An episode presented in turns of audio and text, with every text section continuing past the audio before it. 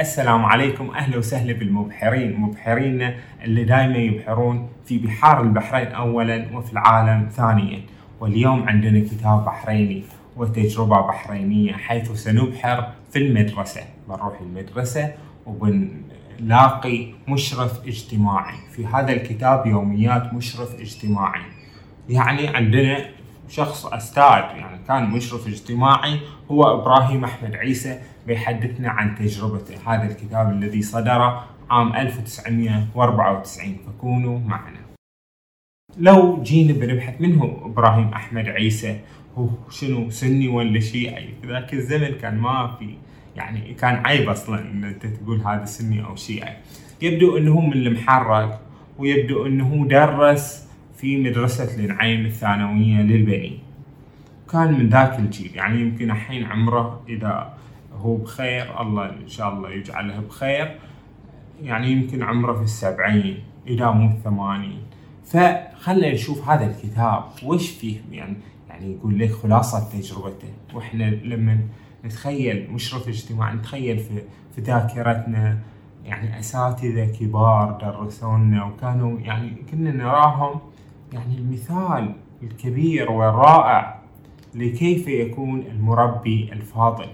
طبعا يعني إحنا نحتفي بهذه الجهود النيرة اللي في المدرسة. هذه هؤلاء الأساتذة المربون اللي يعني فعلا أنشأوا جيلا صالحا نحن منه ولا زالت هذه مسيرة التعليم حاضرة. فخلنا ندش في الموضوع. يقول كاتبنا هذه اليوميات تجربة أردت الخوض فيها لكي أصل إلى عقل ووجدان القارئ أنت يا القارئ لازم تفهم شنو هي شغلتي؟ وش هي الخبرة اللي أخذتها؟ الحقيقة لوضع اليد على الجرح ومعالجته بدل التغاضي عنه أو تجاهله والخيال لأنه ليس من شرف المهنة وأعرافها البوح بأسرار الأسر على الملأ. أنا ما أقدر أقول لك أشياء وشو سرية على الملأ لا بس أعطيك نماذج نماذج صور معينة أخلطها بين الحقيقة والخيال عشان أنت تفهم يعني مجتمعك وتفهم المشاكل اللي تجري. شلون هذولين الطلبة ممكن بعضهم يتخلف عن دراسته بعضهم تحسه عنده مشكلة. فأنت كمشرف اجتماعي لك دور. في الصبح يبهدي دوامه ويركب هالسيارة ويمر على اللي هو الجسر اللي يودي على المنامة والجسر كله مقفل من السيارات. زحمة كم يعني مثل ما الماضي مثل ما الحاضر هذه الزحمة اللي تملأ الجسر من المحرق للمنامة في الصباح وتبادر إلى ذهنه إن هذا الجسر شلون يتحمل هالسيارات؟ هو هو يقول يعني كيف يستطيع أن يتحمل هذا الكم الهائل من السيارات؟ إنه صبور هذا الجسر كإنسان بلادي كسفينة الصحراء كوجه البحار والغواص. عرفت؟ هذا الجسر كأنه إحنا. عرفت؟ لأن شنو؟ لأن إحنا أصلا زماننا القديم آبائنا بنوا هذا الجسر. عرفت شلون بنوه بالحجار حطوا الحجارة. هاي أمجادهم القديمة. وهذا تحرك الطابور وانسابت السيارات برشاقة بالغة كحبات المسبحة في اليد وبدأ الجميع يتسابقون للوصول إلى أعمالهم. تنفست السعداء وبدأت أدير المذياع على برنامج صباحي. زين ويقول لك هذه غثيان يملأ إذاعتنا العربية ما في شيء عدل. ورحت أتنفس الهواء المليء برائحة البحر. فهدأت نفسي وبدأت مشواري إلى العمل بروح متفائلة. حتى وصلت إلى العمل قبل قرع الجرس بدقائق. تو الحين بيضرب الجرس. وكان وصولي ضروري حتى لا أكون قدوة غير حسنة. يقولون وش هذا هالمشرف الاجتماعي؟ يعني الطلاب بيشوفونك ان انت جاي متأخر. يعني ما يصير هذا المشرف الاجتماعي يجي متأخر. هو الأساس. بعدين يطيح من عيون الطلاب. ألا تعلمون أن المشرف الاجتماعي يجب أن يكون قدوة حسنة للطلاب وللمدرسين ولأولياء الأمور؟ وعليه أن يتخلق بأخلاق الأنبياء ويمسك بعصا سحرية يحل بها جميع المشاكل. لكن يبدو أن يومنا جميل ورغم كل المتاعب أحب مهنتي ومتاعبها لأنها مهنة جميلة. عرفت؟ يقول ليك هذه المهنة مهنة صعبة ومهنة تتطلب مسؤولية أخلاقية. أنت يعني مربي مشرف الاجتماع لازم الناس تشوفك مثال أعلى. بالذات الحين الأطفال بالذات إذا شافوك متأخر يقولون وش هذا؟ ما يصلح فما وصل إلا يقول أستاذ أستاذ الكرة أصابت عين الطالب عبد الله بقوة وهو لا يستطيع أن يرى من شدة الضربة. ضربت عيونه الكورة وهاي. ماذا لا يستطيع أن يرى؟ وراح هذا أخذ الجاهل وإنه شاف إنه ما هذا ما يشوف ولا شيء. تمالكت نفسي عن البكاء أنا كنت بصيح بالصراحة لازم ما أنهار وأكون قدوة للأطفال. اللي يعني زين وجاب له كيس ثلج وحطه على عيونه وداه بالسيارة إلى المركز الصحي بأسرع ما يكون. ولما وصلت بعد ما عنده بطاقة فخفت إنه ما يقبلونه.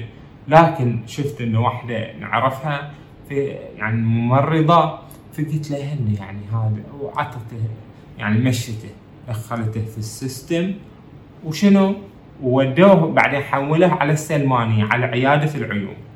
الولد يتألم يصرخ. قيل لي انتظر عند حجرة رقم هالقد حتى يأتي طبيب الطوارئ. بيجي لك الطبيب. ذهبت إلى الحجرة وجدت حوالي عشرة أشخاص ينتظرون دورهم. جلست أنتظر معهم. دوري كما يجلس الأب مع ابنه. قعدت ويا هذا. زين أنا خايف عليه. فالجميع ينتظر دوره بفارق الصبر. والواحد الواحد مثلا يقول شنو هذه العيادة؟ وش وش هالعيادة؟ شوي تعبانة أو شيء وآخرون يتأففون من الانتظار. تعرفون البحرين واجد يشكون. عين يعني. وأنا بينهم محتار. أنظر إلى الولد المسكين الذي تحمل أكثر من طاقته منذ الصباح. عرفت فوش أسوي؟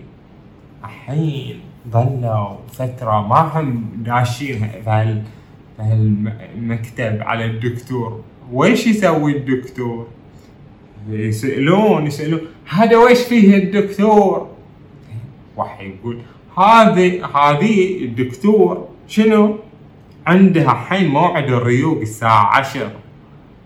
ده الريوق؟ إيه والساعة 11 عنده موعد للكافي. الكافي يعني الكوفي. هذا أي شغل شغلتهم يعني هذول الأطباء بس يقعدون كذي لا يخلصون اشغالنا ولا شيء.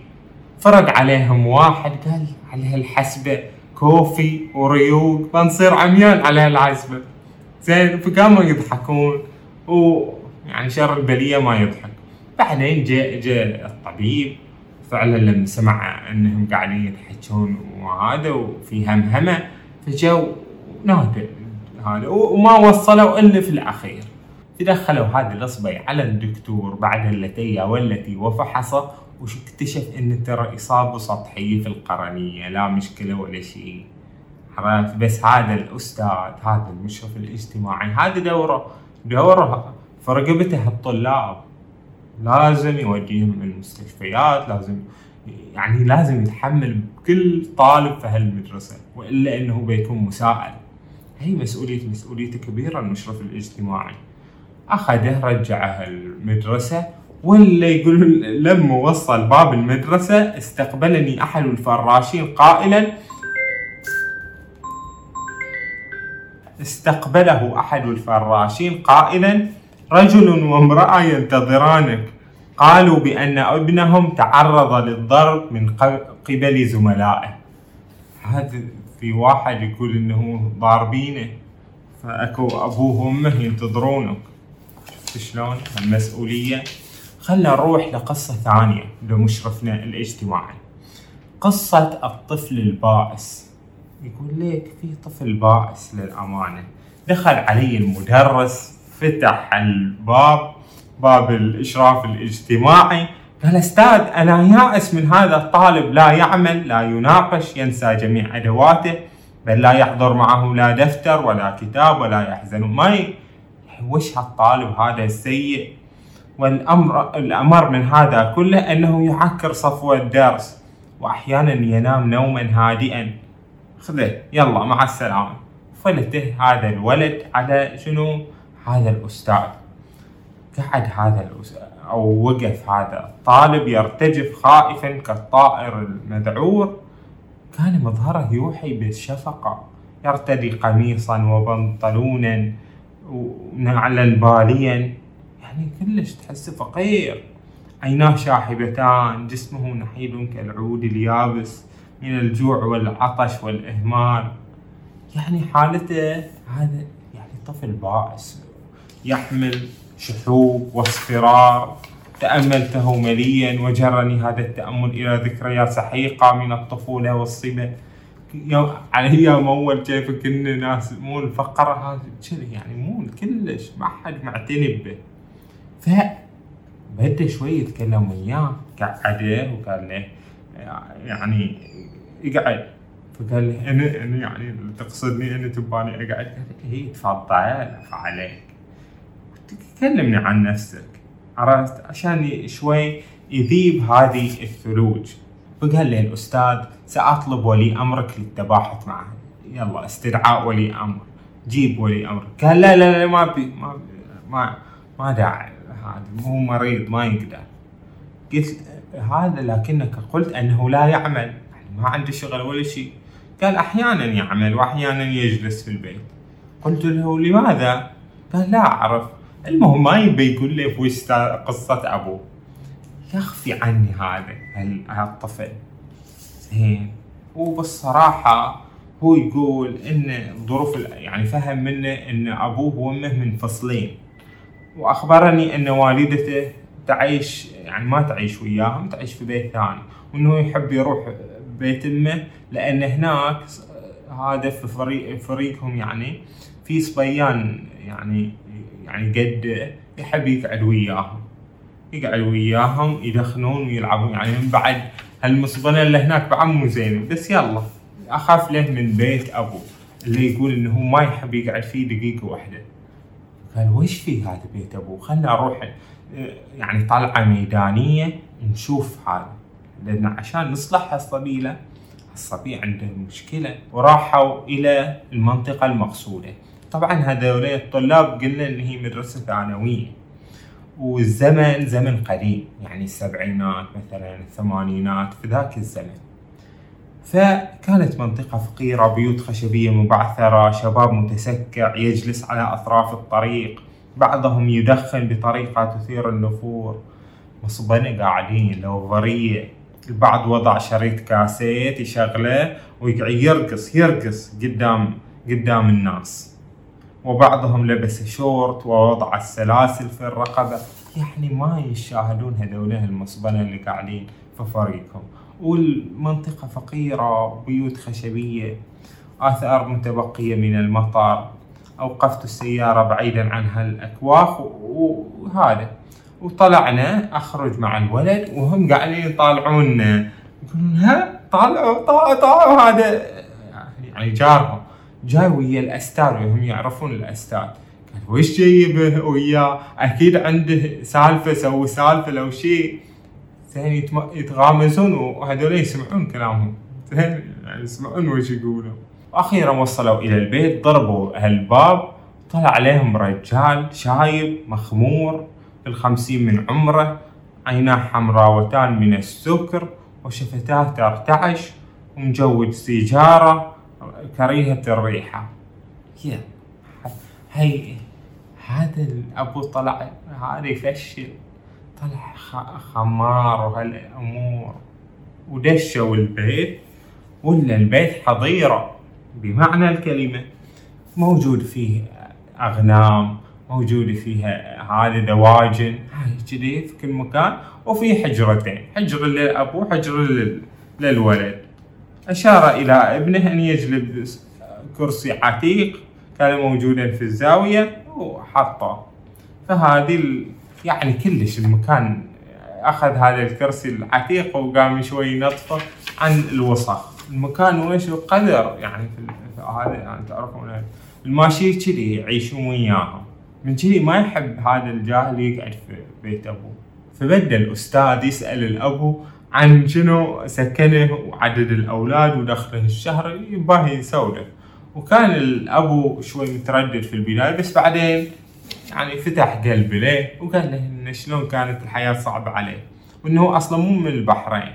لكن جاء يعني البحرين من وقت هذا مبكر واشتغل فيها اشتغل في مطعم طباخ وبعدين اشتغل عدة شغلات شغلات زين ما نجح فيها. وتزوج أكثر من زواج وما نجح فيهم. وآخرهم هذه الزوجة اللي يعني تزوجها وجابت له هذا الولد وطلقها.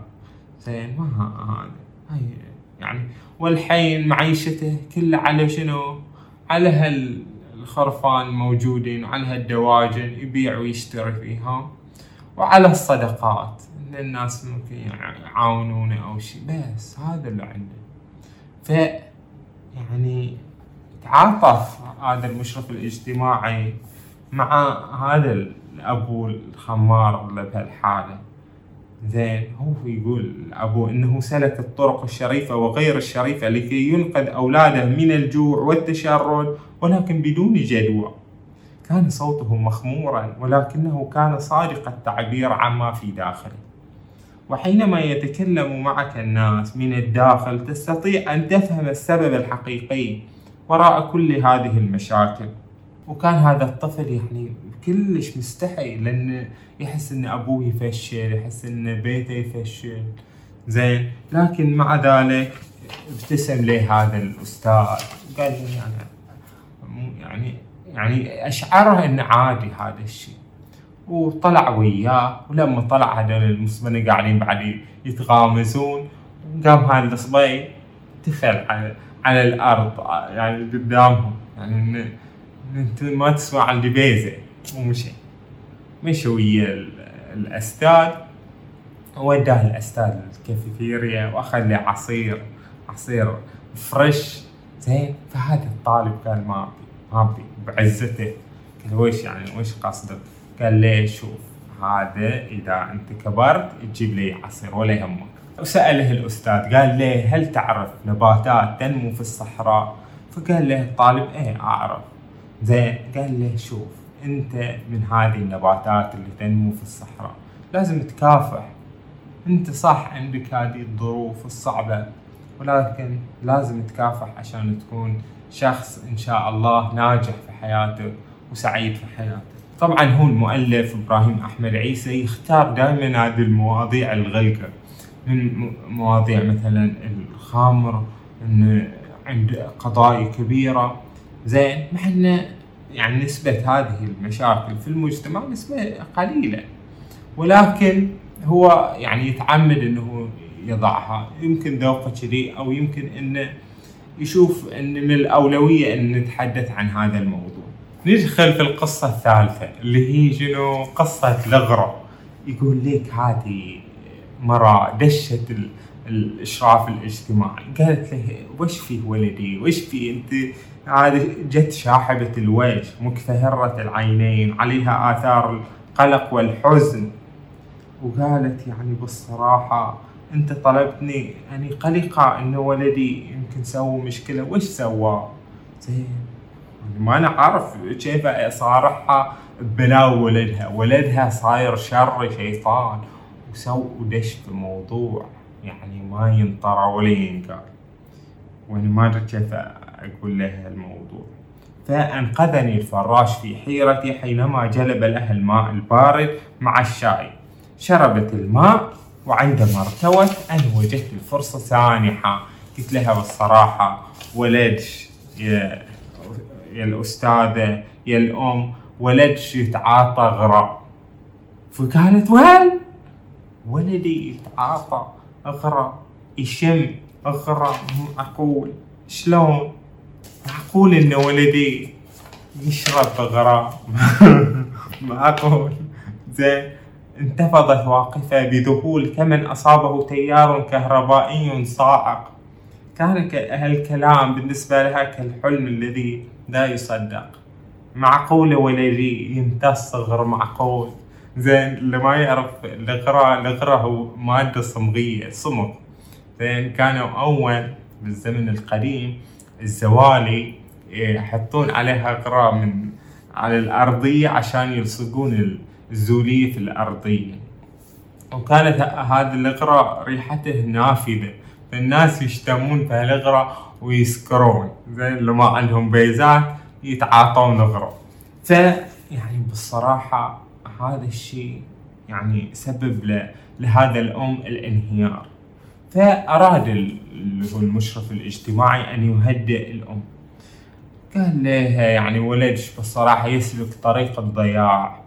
زين فأطرقت وقالت إن كل هالشي يعني بدأ من عام 1980 هالولد ضحية أبوه؟ تزوجت عن حب بسيط. يعني زين موظف بسيط كان.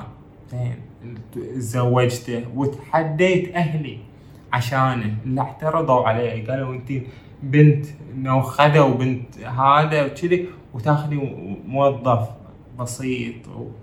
وشخص مو من مواخيرنا وأني قلت شنو؟ قلت له أني اني واجد مهتمة في هذا فلازم أتزوجه فتزوجته وصار يعني عقب ما هذا تزوجته انفتحت طاقة الفرج له وصار شنو؟ يعني عنده بيزات يعني يعني صار عمله يكسبه نقود كثيرة يعني أصبح من أصحاب الأموال التي وشو التي لا تعد ولا تحصى. فتقول إن لقد أعماه المال عن بيته وأولاده حتى عن قيمه التي آمن بها في السابق. يعني كان أول عنده قيم الحب والمبادئ والمثل والحين ما عنده هالقيم الحين وشو؟ لبس ثوب ما هو ثوبه. فركل موقعه الاجتماعي اللي كان قبل وسوى روحه يعني كلش في في علية القوم ولبس نظارة مختلفة العدسات ونظر بها إلى العالم وإلى الحياة. وتحول بيتنا إلى جحيم لا يطاق. هذه معاناتي مع هالزوج هذا. وأت يعني بالصراحة وصل الأمر إلى يعني مرحلة الانفصال النفسي. وما انفصلنا ولكن نحن ما نطيق بعض. وقالت إنه إنه شنو؟ إنه هو ينام خارج البيت أصلا. ويمكن ما نشوفه. فقالت له يعني بالصراحة هذا هذا هو السبب. فقال لازم أقابل الأبو عشان نحل مشكلة الولد اللي بيروح علينا قاعد يشرب في الغرو. خلص يخلص علبتين في اليوم من هالغرا ما يصير. فجاب هذا استدعى الأبو. فيقول ليك جا الابو لابسا ثوب كاشخ عدل وساعة فارهة وعطر وسيجار فاخر كأنه يعني بابلو إسكوبار. وأول يشربون جقاير واجد. يعني في زمن آه، الستينات السبعينات الثمانينات التسعينات كانوا يشربون جقاير في كل مكان. فقال له يلا أنت تبى تكلمني؟ دش في الموضوع بسرعة؟ قال له ولدك ولدك قاعد يزلخ في هال في هالاغراء دوخنا بهالإغراء. قال له مستحيل. ولدي مستحيل يسوي هالأشياء. هذا ولد. ولدي أنا. أنت ما تعرفني أنا منهم. قال له ولدك يعني أنا شايفنه. شوفت عيوني شفته هناك. ياخذ ياخذ في هالإغراء. يودي. شفت شلونه؟ ولدك خلاص. بي بيتحول ما بيتحول إلى برمائي بيتحول إلى شنو. كائن غريب صار ولدك. الحق على ولدك. فبعد النقاش قال لي هذا الأبو مو مشكلة. بضرب ولدي ضرب عشان أدبه عن عن هالاغراء زين؟ فقال له شوف الحين إحنا نعاقب الولد ولا نعاقب الأبو؟ الأبو هو السبب. فقال له وش قصدك؟ قال له أنت أنت أنت بالصراحة. يعني فهمه إن الغلط منك أنت. أنت مو مسبب. نظام جيد في بيتكم. شوف شلون زوجتكم. قال له أنت ما لك دخل بزوجتي. يلا عاد. أنت ويش مشرف اجتماعي؟ أنت حلال مشاكل في هالدنيا. أنت ويش دخل؟ ف بدت وياهم معركة دامية وكذي. زين لما في النهاية نازل هذا شوي ال- الأبو المتغطرس تنازل قال إنه مو مشكلة بع- بحل مشكلة ويا ولدي. زين بطريقة غير الضرب لكن ما لك دخل بزوجتي تدخل في شيء ما يخصك ما دخل. وبعدين اكتشف يعني اكتشفوا إنهم يعرفون بعض. إنهم طفولتهم كانت في فريق واحد أو كذي يعني يعرفون بعض.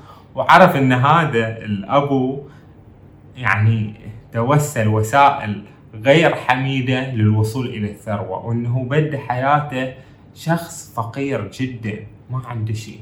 يقول الكاتب اضطربت ملامحه لم يشعر بالسعادة التي يشعر بها أي إنسان سوي حينما يصادف صديق طفولته. قال لي بسخرية لقد أصبحت مربيا فاضلا. وأنا قلت له لقد أصبحت رجل أعمال كبير. ضحك وخرج بخطوات سريعة. وقفت سارحا أسترجع شريط ذكرياتي مع هذا الإنسان. أشفقت عليه رغم سخريتي منه. إنه ضحية الحياة الاستهلاكية في مجتمعنا. غرتها الدنيا. وقبل أن أضرب الجرس لكي أستدعي الولد دخل علي الفراش لاهثا أرجو أن تأتي بسرعة. سوف تندلع معركة مع الأستاذ ومع أحد الطلاب المشاغبين في الفصل. ألحق! اكو بي- بيضربون الأستاذ أستاذ فلان بيضربونه الحق عليه. فهاي هي شغلتهم في المدرسة هاي مدرسة هاي هاي الثانوي الثانوي هذول الطلاب ما يتعاشرون. علاوي ولكن هذا المشرف الاجتماعي يشتغل يشتغل بجد عشان إن شاء الله ينفع وطنه. وكان يتساءل نربي هذا الطفل اللي قاعد يمتص في هالغرة لو نربي الأبو اللي غرته الدنيا. ودش في طريق المعصية والذنوب وال... والآثام زين بلا حسيب ولا رقيب. فهل هناك مدرسة للكبار؟ وقديما قيل يعني السنور العود ما يتربى. عرفتون شلون؟ هذه تحية للمشرفين الاجتماعيين والمشرفين الإداريين والمدراء والأساتذة وكل الكادر التعليمي زين في المدرسة وفي الجامعة. هذول المربين اللي تعلمنا من سماحة أخلاقهم. مربينا البحرينيين الأساتذة زين اللي فيهم من ريحة هذه البلاد ومن سماحتها. واللي علمونا يعني قبل ما يعلمونا الرياضيات والعربي والاجتماعيات تعلمنا منهم الأخلاق والمثل والكلام الطيب. هم ليسوا معصومين عن الخطأ فأثر صياط بعضهم ما زال على ظهورنا. زين ضربون ضرب. وسووا أشياء ممكن يكون مو مو جيدة. ولكن مع ذلك فإن أغلبية هؤلاء المدرسين لا زالت هيبتهم حاضرة في وجداننا. عرفت؟ لقد بذروا الهيبة والوقار وتحقيق العدل والانتصاف للمظلوم وبذروا حب العلم زين حتى تنمو البراعم الواعدة. وتثمر إن شاء الله في دوحتنا الوارفة في البحرين. فأنتم إيش رأيكم في هالكلام؟ أهدي هذه الحلقة حلقة المشرف الاجتماعي إلى أخي قاسم. وهذا الكتاب يوميات مشرف اجتماعي. إن شاء الله يكون عجبكم. وأنتون شاركوني عاد بأفكاركم له. زين وخبروني إذا كان ما تحدثنا فيه قد أعجبكم. وكونوا بألف خير وصحة وعافية.